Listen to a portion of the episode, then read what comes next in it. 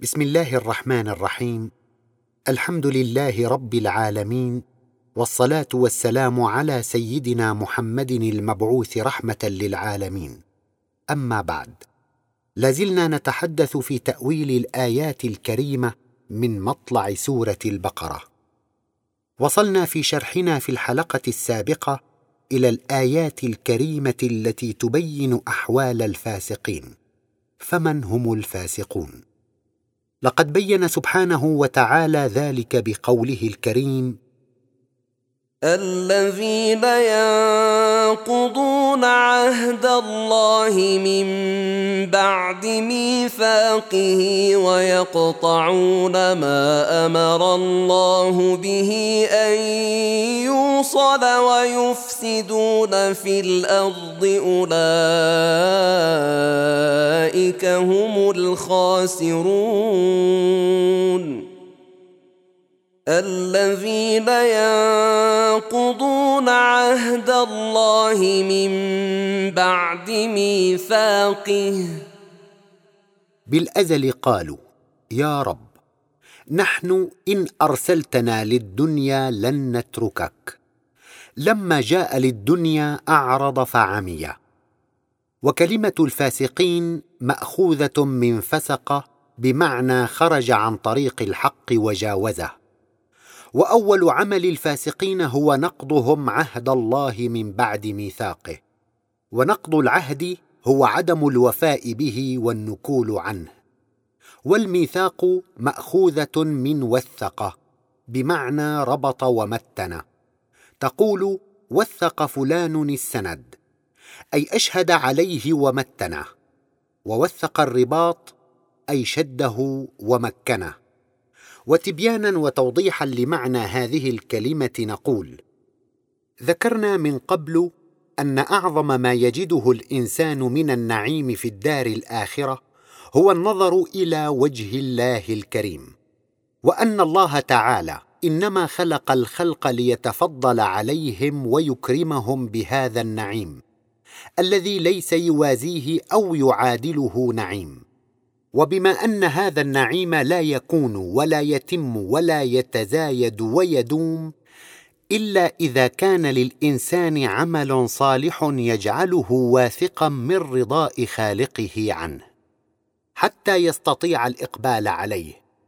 لذلك اقتضى الأمر بإخراج الناس إلى الدنيا وجعلها دارا للعمل والتسابق والمسارعة في الخيرات. لكن العمل لا قيمة له إن لم يكن صادرا عن اختيار الإنسان وعن طيب نفس منه. ولهذا كله منح الله تعالى عباده الاختيار. أي إنه تعالى جعل الإنسان مطلقا حرا في اختياره. يختار ما يريد لنفسه لا يقيده في ذلك قيد ولا يمنع النفس من اختيارها مانع. وبهذا أصبحت قيمة العمل مرهونة بنية الإنسان العالية. فكلما سمت نية الإنسان وكانت عالية كلما ازدادت قيمة العمل. وبما أن الله تعالى كل فعله كمال وكله خير وفضل وإحسان لذلك بين لهذا الإنسان أن هذا الاختيار لا يكون صالحا وهذه النية في الأعمال لا تكون طيبة إلا إذا كان الإنسان مستضيئا بنور خالقه. فهذه النية والاختيار. إنما يوجههما في طريق الخير والسعادة تلك الرؤية المبنية على الاستضاءة بنور الخالق. ولذلك عهد الله إلى الإنسان أن يظل إذا هو جاء لهذه الدنيا مستضيئا بنور خالقه لا ينقطع عنه ولا يتحول. فإن وفى بعهده ولم ينقطع عن نوره ظل يمشي سويا على صراط مستقيم. وإن انقطع عمي وضل وتولد الخبث في نفسه. وساقه ذلك إلى اختيار السوء وكان من الهالكين. عرف الإنسان ذلك كله في الأزل وعاهد ربه أن يظل إذا جاء إلى الدنيا مقبلا على خالقه مستضيئا بنوره لا ينقطع عنه ليظفر بالسعادة. لقد عاهد الإنسان ربه وأعطاه ميثاقا ووعدا بذلك. أما سائر الأنفس مما سوى الإنسان فقد خشيت على نفسها إذا هي أعطيت حرية الاختيار أن تنقطع عن خالقها ولا تفي بعهدها فتختار ما يكون سببا في شقاوتها الأبدية. لذلك أحجمت عن الدخول في ذلك الميدان الذي دخله الإنسان. ذلك الميدان الذي إن أوفى الإنسان فيه بعهده نال فوق ما يناله كل مخلوق. وإن هو نكث ونقض العهد انحط فكان في الدنيا شر البرية وفي الآخرة أشقاهم مكانة وأتعسهم حالا وكان في أسفل سافلين.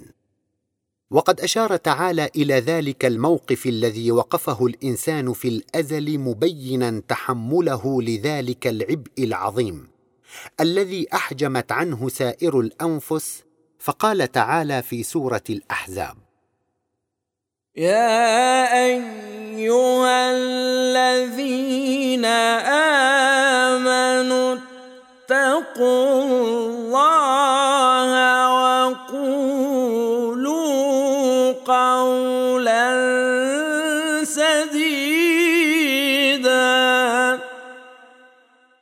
يصلح لكم أعمالكم ويغفر لكم ذنوبكم ومن يطع الله ورسوله فقد فاز فوزا عظيما.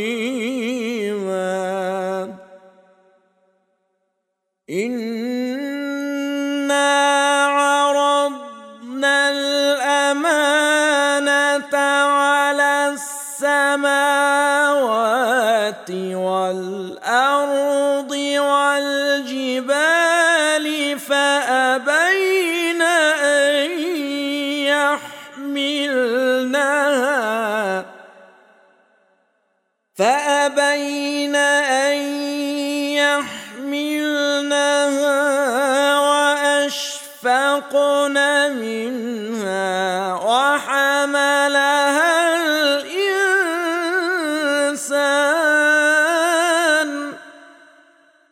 إنه كان ظلوما جهولا.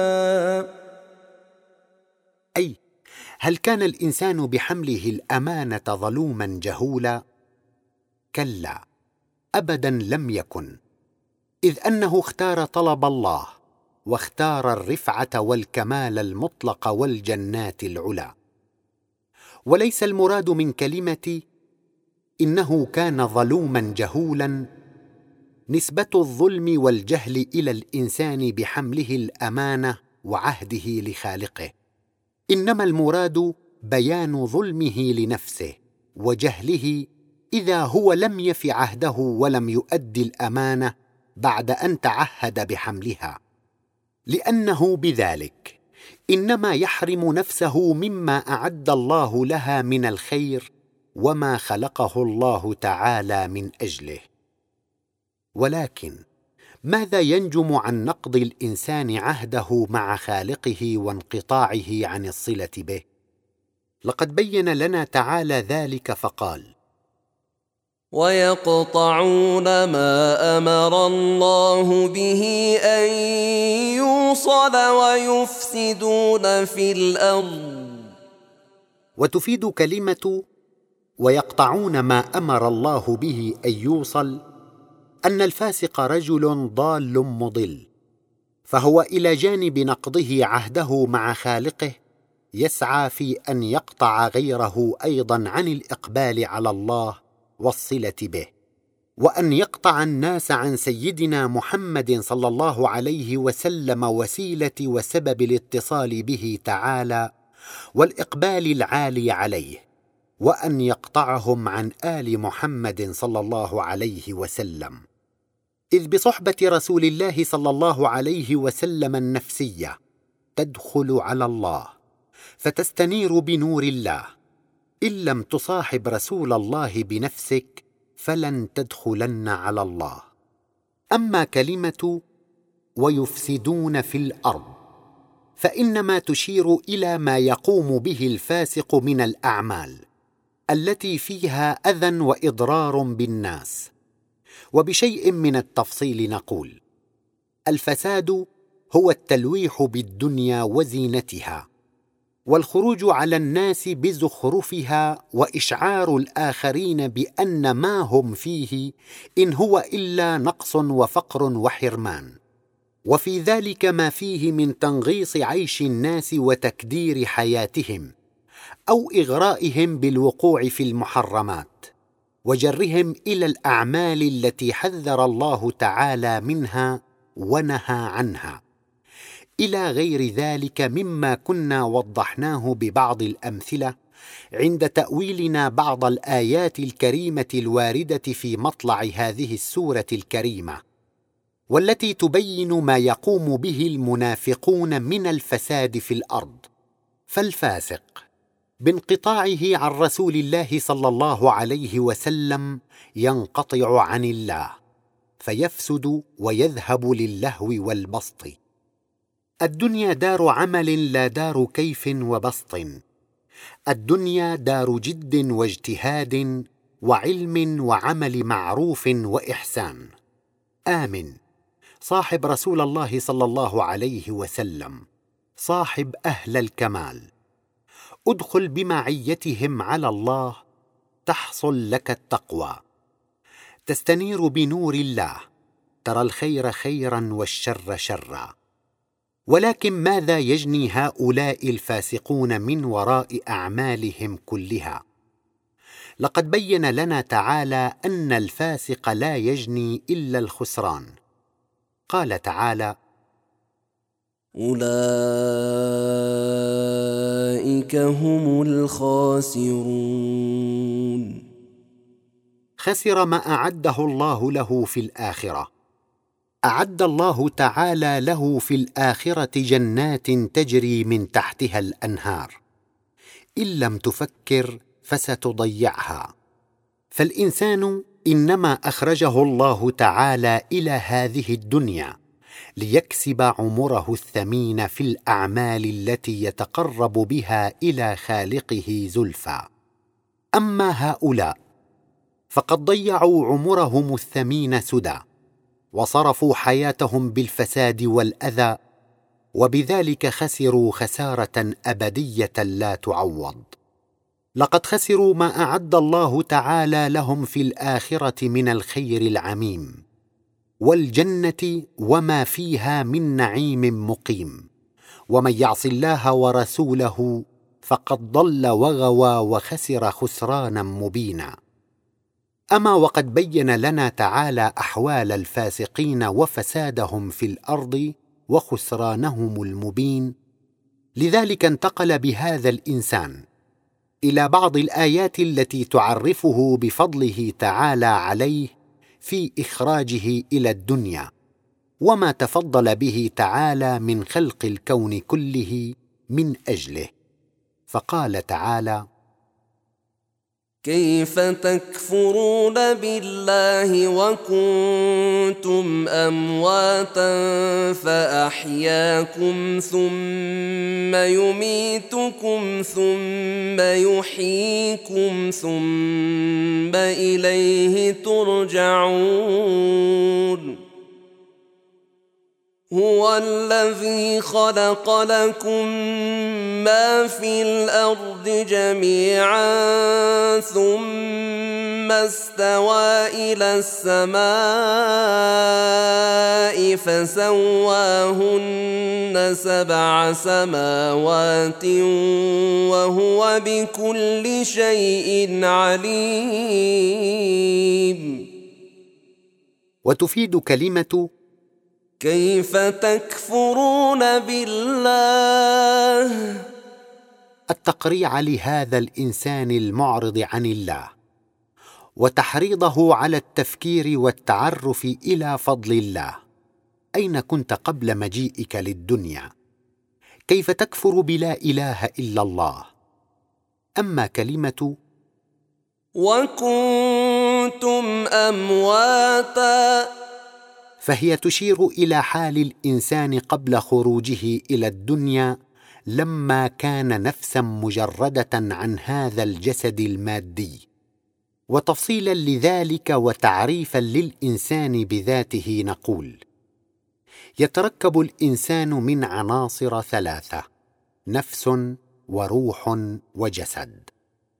فالنفس هي ذات الإنسان الشاعرة وهي التي تسر وتحزن وتفرح وتغضب وتتنعم وتتألم وهي التي تشكر وتكفر وتقبل وتدبر وتقر وتنكر وهي التي تؤمن وتوقن وتقبل على خالقها إن هي آمنت به إيمانا صحيحا وتستغرق في التنعم بإقبالها عليه فلا تبغي عنه حولا. إنها أعظم عنصر في هذا الإنسان. وما الروح والجسد إلا معينان لها يساعدانها للتوصل إلى مآربها ومطالبها. ومقر النفس في صدر الإنسان. وأشعتها سارية في الأعصاب المنتشرة في سائر أنحاء الجسد. وبواسطة الحواس تستطيع أن تتعرف إلى هذا العالم المحيط بها. وبواسطة التفكير تستطيع أن تقارن وتحاكم ثم تتوصل إلى إدراك الحقائق. أما الجسد فهو هذه الأعضاء المادية المؤلفة من العظام والعضلات والجلد والأعصاب والدم وما فيه من سوائل وكريات. والروح. هي تلك القوة المحركة التي تؤمن للجسد الحياة والنماء. وما دامت الروح سارية فيه سرت النفس بجوارها مرافقة لها. فإذا ما بدأت الروح تنسحب وتفارق هذا الجسد لحقت بها النفس.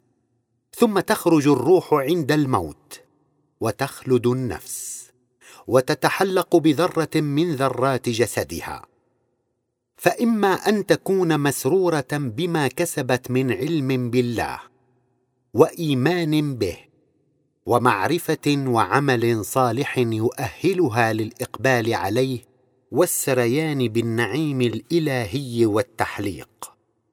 ويلقى بثوبها الجسدي بالتراب. أما هي فتعلو وتسمو في الجنات. كالنائم الغارق في لذيذ المنام. الغافل عن جسمه بالكلية لما يشاهد من جميل الأحلام. لكنها بالنوم أحلام وبعد الموت حقائق سرمدية. لا تبغي النفس عنها حولا ولا ترضى للحياة الدنيا رجوعا لما تجده عند ربها من عظيم الإكرام. وإما أن تكون متألمة مما تحمل من أوزار وخطيئة وآثام. فتظل عمياء محبوسة في شقائها الناشئ عن عملها السيء مرهونة في قبرها وبالأرض بعملها الخاطئ. قال تعالى في سورة المدثر كل نفس بما كسبت رهينة إلا أصحاب اليمين في جنات يتساءلون. وقد وجدت الأنفس في عالم الأزل يوم عرض الأمانة على صعيد واحد. ثم طويت هذه الأنفس البشرية كلها في صلب سيدنا آدم صلى الله عليه وسلم. ومنه صار التناسل وبهذه الواسطة كان خروج هذه الأنفس إلى عالم الصور والأجساد. جيلا بعد جيل واناسا بعد أناس. لقد أخرج الله تعالى الأنفس إلى هذه الدنيا لتتبارى في العمل الصالح وتتسابق في فعل الخيرات. وكانت الأنفس قبل ذلك ساكنة لا عمل لها لأن العمل لا يكون إلا بعد اقترانها بهذا الجسد فهو مطيتها. وبما فيه من جوارح وأعضاء تسعى وراء غاياتها وبمعارضة النفس لرغائبها وشهواتها المحرمة المهلكة تستطيع أن ترتقي وتتقرب إلى خالقها. وبناء على هذا نستطيع أن نفهم ما تعنيه كلمة وكنتم أمواتا فأحياكم فالموت هو بطلان الحركة وعدم العمل. لقد كانت النفس خامدة لا حركة لها فمن الذي قرن هذه النفس إلى جسدها وأخرجها إلى هذه الدنيا؟ من الذي خلق لها هذا الجسد على هذا الكمال؟ من الذي ضم إليه الروح فجعل فيه الحياة؟ من الذي جعل هذا الإنسان على هذا النظام وفتح أمامه مجال العمل وأهله لاكتساب الخيرات؟ أهو فعل ذلك كله بذاته؟ أم أن هناك يدا علية عليمة قديرة فعلت وتفعل ذلك؟ كل هذه المعاني نستطيع أن نفهمها من كلمه وكنتم امواتا فأحياكم. أطعم أباك المأكولات حتى صرت نطفة.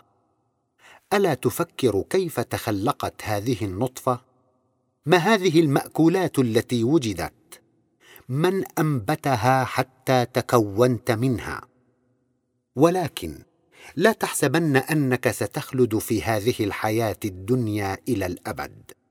فما دامت لأحد من قبلك حتى تدوم لك وما جعل الله لبشر من قبلك الخلد. إن هي إلا أيام معدودات تقضيها وشيكا وتمر بك سريعا. ثم يأتيك هادم اللذات ومفرق الجماعات. لقد جئت إلى هذه الدنيا بمهمة وأنت الآن بمدرسة. فسابق وسارع في الخيرات. ولا تضيعن عمرك الغالي بتافهات الأعمال. بل اكتسبه بما يجعلك غدا من السعداء. فما اقتران النفس بجسدها إلا لتقوم بواجبها وتصل إلى سعادتها الأبدية. فإذا ما انقضى الأجل فستنفصل الروح وتخرج النفس من الجسد وسينقطع عملها وترقد رقدة طويلة الأمد تنتهي بها يوم البعث والنشور. يوم يقرن الله هذه النفس إلى جسدها ثانية ويعيد إليها الروح. وهنالك تقف بين يدي ربها لتؤدي حسابا دقيقا عما قدمت من أعمال وتوفى كل نفس بما كسبت وهناك الحسرة والسوء على الكافرين. قال تعالى في سورة الأنعام ولو ترى إذ وقفوا على النار فقالوا يا ليتنا نرد ولا نكذب بآيات ربنا ونكون من المؤمنين. ذلك كله إنما تذكرنا به كلمة ثم يميتكم. ألا تفكر بهذا؟ ثم يحييكم. ثم يحييكم غدا. ثم إليه ترجعون. للمحاكمة والسؤال والحساب. كما أنها تذكرنا أيضا بأن الذي أوجدنا ولم نك شيئا مذكورا ثم أحيانا من بعد موتنا وأخرجنا إلى هذه الدنيا وأن الذي أمدنا بالحياة ومن افتقارنا دوما إليه هو الذي يحدثنا وهو القادر على أن يحيينا ويصدرنا كما بدأنا أول مرة وهو أهون عليه. نكتفي اليوم بهذا القدر.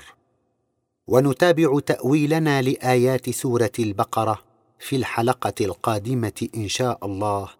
والسلام عليكم ورحمة الله وبركاته.